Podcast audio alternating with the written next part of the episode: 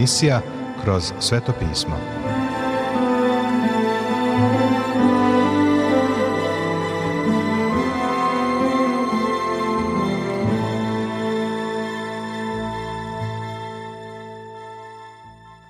Dobroveče, poštovani slušaoci i dobrodošli u još jednu emisiju programa Kroz sveto pismo, programa koji je za vas napisao Vernon McGee, a pročitao Branko Bjelajac. Želimo vam prijetno i blagoslovljeno slušanje.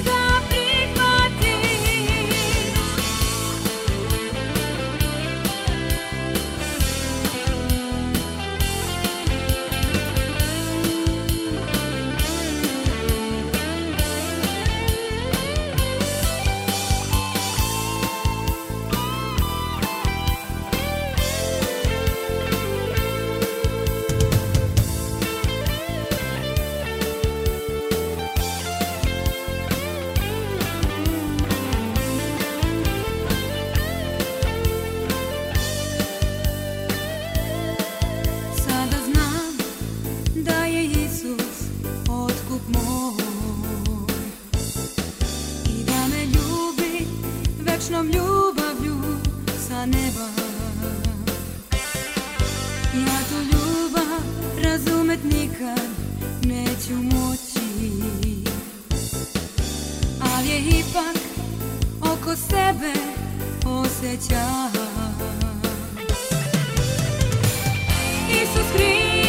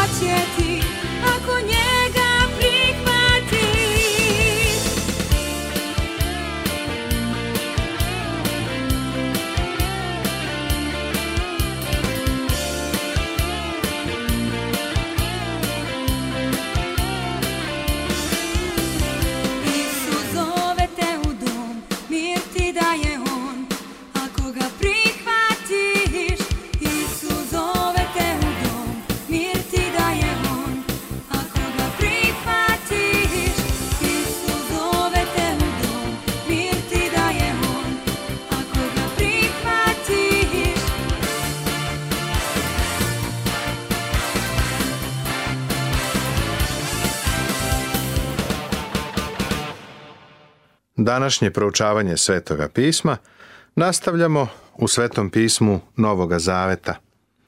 U poslanici Jevrejima u četvrtom poglavlju i nastavljamo sa razmatranjem 16. stiha. Uvek sam smatrao da je za izraelski narod Aronova smrt na neki način bila od veće važnosti od Mojsijeve smrti.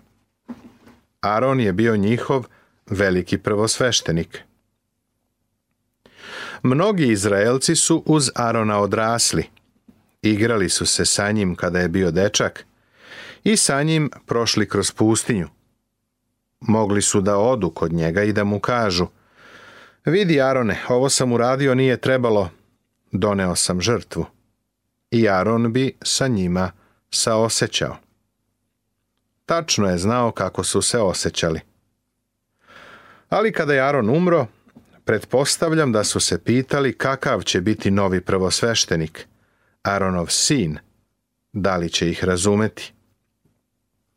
Da li će saosećati i pomagati. Mi imamo velikog prvosveštenika koji je uvek dostupan i koji razume. Ne razume on nas teoretski, nego je bio kušan i bio je dotaknut našim slabostima. On je znao šta znači biti gladan. Znao je šta znači biti tužan. Gospod Isus je plakao. U svemu je bio iskušan, osim u grehu. Pristupajmo dakle slobodno prestolu blagodati, da primimo milost i nađemo blagodat kada nam zatreba pomoć. Pristupajmo dakle slobodno prestolu blagodati. Gospodu Isusu Hristu možemo slobodno da govorimo. Mogu da mu kažem ono što tebi ne mogu. On me razume. On poznaje moje slabosti, pa mogu da mu ih kažem. Naučio sam da budem vrlo iskren sa njim. Ne pokušavam da se pretvaram, prezirem takav pristup. On je Bog, pa mu ja prilazim sa obožavanjem i poštovanjem. Ali slobodan sam da govorim, jer je on i čovek. On je i Bog i čovek, pa kod njega mogu doći sa velikom slobodom. Mogu mu reći sve što je u mom srcu. Mogu mu otvoriti svoje srce. Prema tome pretpostavljam da mu nisu impresivne sve one pobožnjačke, nakićene molitve. Pogotovo kada im je namera da pokriju ono što je u srcu i životu. Pitam se da li se gospod, pod navodnicama, isključi, kada mu ne dolazimo slobodno i sa otvorenim srcem. To je jedan od razloga zbog kojeg molitveni sastanci više nisu efikasni pred njega dolazimo ustegnuti, nismo otvoreni i iskreni. Prestolu blagodati Boži tron je tron blagodati. Pre je bio tron suda, a sada je zaklopac pomirenja. Tron blagodati.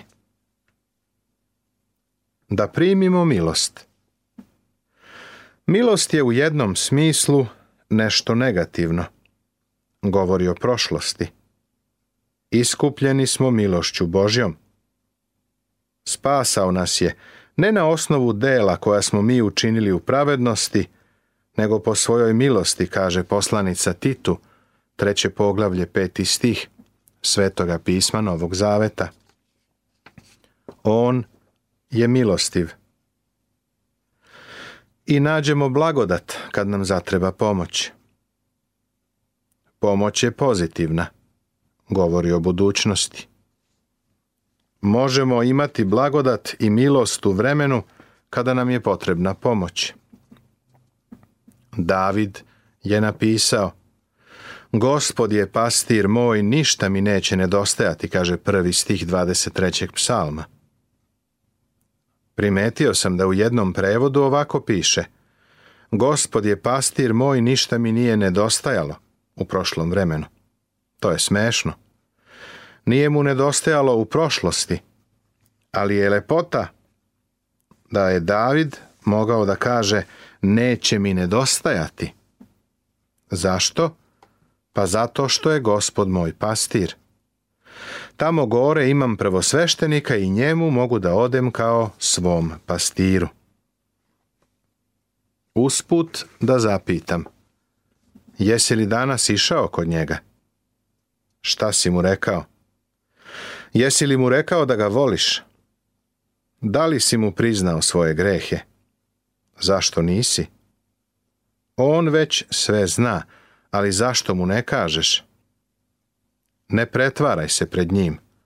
On već zna da možeš da mu dođeš jedino zbog njegove zasluge idi kod njega, slobodno mu kaži, tamo te čekaju milost i blagodat za vreme potrebe. Poglavlje peto Tema Definicija sveštenika U ovom poglavlju se nastavlja tema o Hristu, kao našem prvosvešteniku, pokazujući nam da je on iznad levitskog sveštenstva, koje je jevrejima bilo vrlo blisko. U prvih deset stihova imamo definiciju sveštenika. Kao što smo već rekli, Hristos ima trostruku službu, službu proroka, sveštenika i cara. On je konačna Božja reč čoveku. U Hristu Bog je rekao sve što je hteo. Kao prorok, govorio je više od 2000 godina. Sada je on Božja reč. On je sveštenik za generaciju sada. Jednoga dana u budućnosti on će doći kao car. Trenutno on je naš prvosveštenik.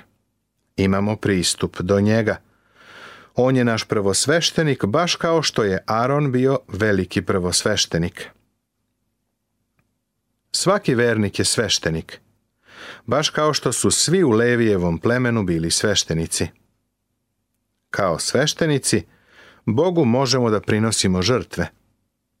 Slavljenje je žrtva koju mu prinosimo. Da li si ga danas slavio? Možemo mu prineti i naše imanje, plod naših ruku, plod našega uma ili naše vreme. Vernici sve ovo mogu preneti na žrtvu. Molitva je deo sveštenika. Uvideti našu poziciju i privilegiju eliminiše svu mehaniku koju danas imamo. Odstranjuje sve metode koje koristimo.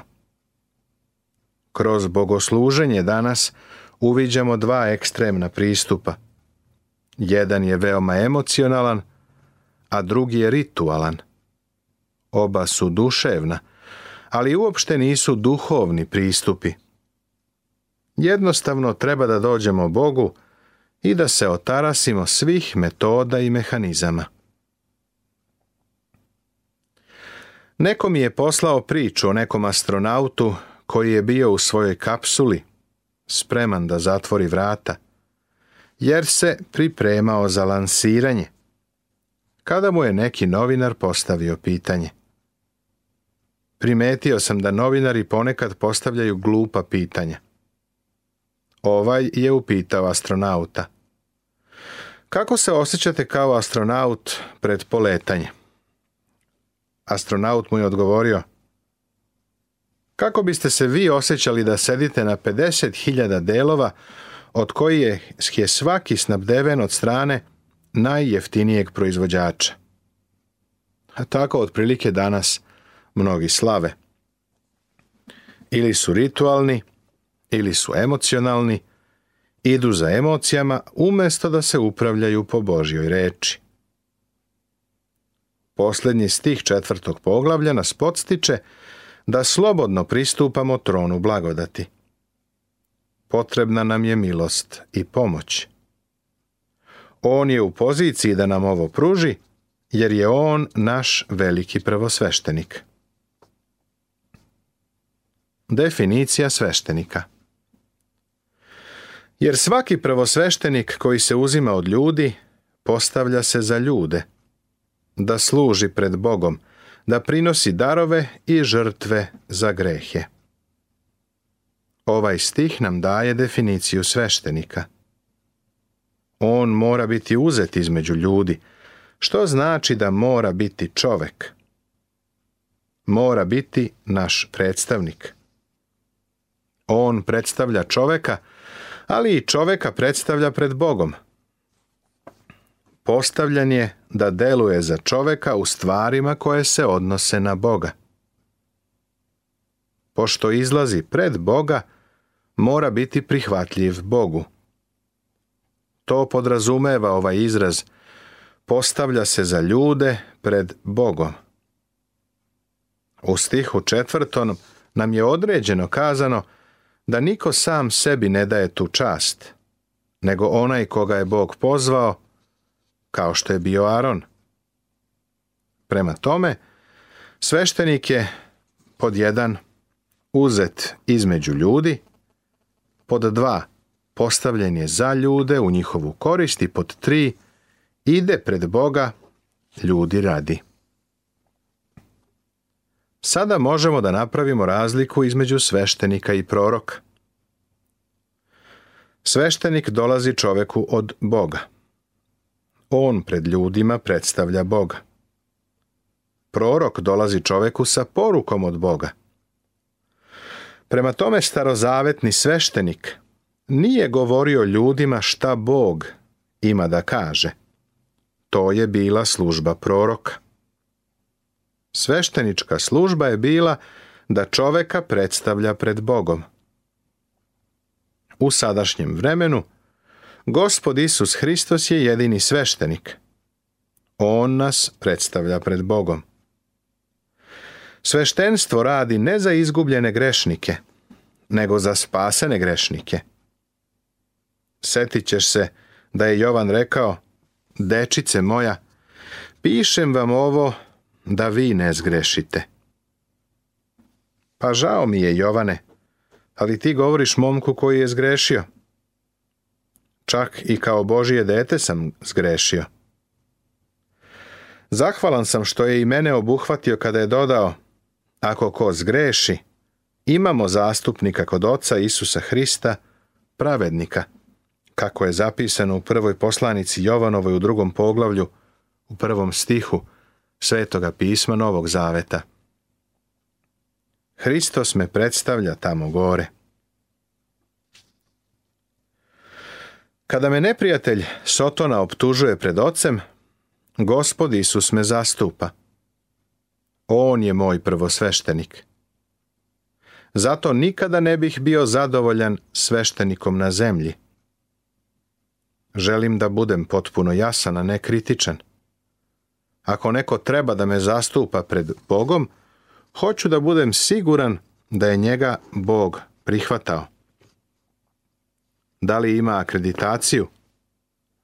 Da li je položio ispit za komoru da bi mogao da me zastupa na nebu? Možemo da se molimo jedini za drugi, ali jedni druge ne možemo da predstavljamo na nebu. Pošto mi je potrebno da me neko zastupa na nebu, vrlo sam srećan da imam velikog prvosveštenika koji me predstavlja pred ocem da prinosi darove i žrtve za grehe. Znači, sveštenik može da prinosi i darove i žrtve. Pisac će sasvim razjasniti da je Hristos imao šta da prinese. Prineo je samoga sebe. U poređenju sa dragocenom Hristovom krvlju koja nas je izbavila, srebro i zlato su kao jad i beda da prinosi darove i žrtve za grehe. Zapazi grehe, ne jedan greh, nego se radi o množini. Govori se o životu vernika. Na primjer, kada izgubiš živce, da li odeš Bogu i priznaš mu taj greh? Imaš predstavnika, zastupnika koji je tamo i radi za tebe. On te zastupa pred Bogom. Kao čovek koji može da bude uviđavan prema onima koji ne znaju i blude, pošto sam i ja podložan slabosti. Imamo velikog prvosveštenika, koji je, kada je došao do kraja svoje zemaljske službe, mogao da kaže Kome od vas prekoreva za greh, kako kaže Evanđelje po Jovanu, osmo poglavlje, 46. stih. Gospodnji učenici su sa njim bili tri godine. Pa ako nešto nije bilo u redu, oni bi znali. On je bio besprekoran. Nikakav greh nije počinio. Ipak, pošto je na zemlji živeo kao čovek, razume nas. On može da bude uviđavan prema onima koji ne znaju i blude. Šta znači koji ne znaju i blude? Ovo se odnosi na greh neznanja. Treća knjiga Mojsijeva u četvrtom poglavlju, prva dva stiha, u Svetom pismu Staroga Zaveta, bavi se ovim gresima. Ako misliš da je proteklih nekoliko dana prošlo, a da nisi načinio ni jedan greh i osjećaš se kao da živiš u visinama, imam za tebe vest. Činiš grehe kojih čak nisi svestan – a on, naš veliki prvosveštenik, brine se za nas u vezi sa tim. On saoseća sa onima koji ne znaju. Vidiš, neki se put čini čoveku prav, a kraj mu je put ka smrti, kaže stih 12. 14. poglavlju, priča propovednikovih u Svetom pismu Staroga Zaveta. A u knjizi proroka Isaije, također u Starom Zavetu u 53. poglavlju u 6. stihu se kaže Svi mi kao ovce zađo smo. Bog nas upoređuje sa ovcama, jer ovce zastranjuju. A pošto je i sam podložen slabosti, Aron je bio dotaknut ili pogađan slabostima – ali je Hristos bio podložan osjećanju u vezi sa našim slabostima. On zna kako se osjećamo u vezi sa tim. On je savršeni posrednik. Kada padnemo, on ne padne u kaljugu sa nama, već nas podigne. Nevolja sa Aronom je bila u tome što on nije mogao da oprosti čak ni grehe, koje je sam počinio. Nije mogao ni da oprosti grehe koje nije on učinio. To bi bilo opasno. Ali Hristos nam pokazuje milost. Kada dođemo k njemu da bismo mu priznali grehe, on nam ne drži pridiku o tome da treba bolje da pazimo sljedeći put. Samo nam pruži milost. Ako ispovedamo svoje grehe, on je veran i pravedan, da nam oprosti grehe i očisti nas od svake nepravednosti, kako kaže deveti stih prvog poglavlja, prve poslanice Jovanove svetoga pisma Novog Zaveta. Divno je imati takvog prvosveštenika. Sada uviđamo kontrast između Arona i Hrista i shvatamo da ne postoji duplikat sveštenstva između njih dvojice te zbog toga mora, kako za narod, tako i za samoga sebe da prinosi žrtve za grehe. Setit ćeš se da je na veliki dan izmirenja Aron prvo prineo žrtvu i krv uneo u svetinju na svetinjama za svoje grehe. Morao je prvo da sredi pitanje svojih greha, pre nego što bude predstavljao narod. Kod Hrista ovo ne nalazimo. Hristos nije morao da prinosi žrtvu za sebe. Žrtvu je prineo za nas. I niko sam sebi ne uzima ove časti, nego ga Bog poziva, kao i Arona. Kao što smo ranije vidjeli, Hristos je bio sveštenik zato što je bio ugodan Bogu. Tako i Hristos ne proslavi samoga sebe da bude prvosveštenik, nego onaj koji reče ti si sin moj, ja sam te danas rodio. Hteo bih da bude potpuno jasno da reč rođen koju ovdje nalazimo nema nikakve veze sa Hristovim rođenjem u Vitlejemu. Ta reč se odnosi na vrt pored Golgote – gdje je bio pokopan nakon vaskrsenja, jer se tu desilo vaskrsenje. Bio je rođen iz mrtvih. Njegovo sveštenstvo je počelo kada se vratio u nebo, a to govori o vaskrsenju. Nastavit će se. Sanjao sam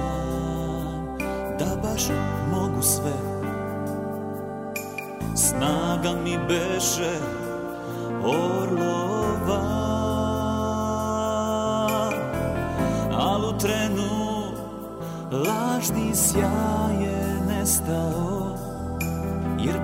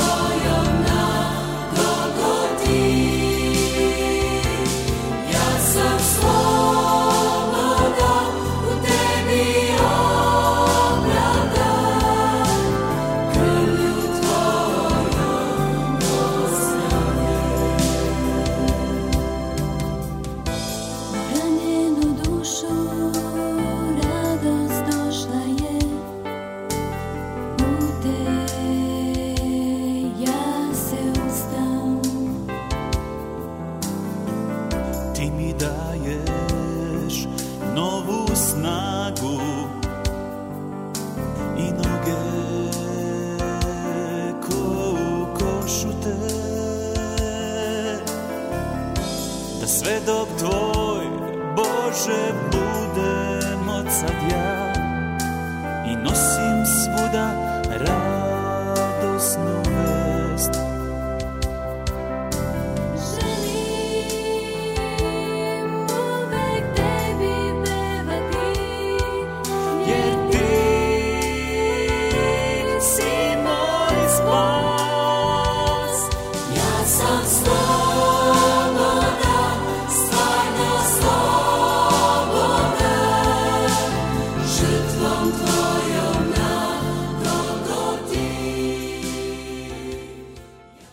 Poštovani slušaoci, završena je još jedna emisija iz serijala Kroz sveto pismo.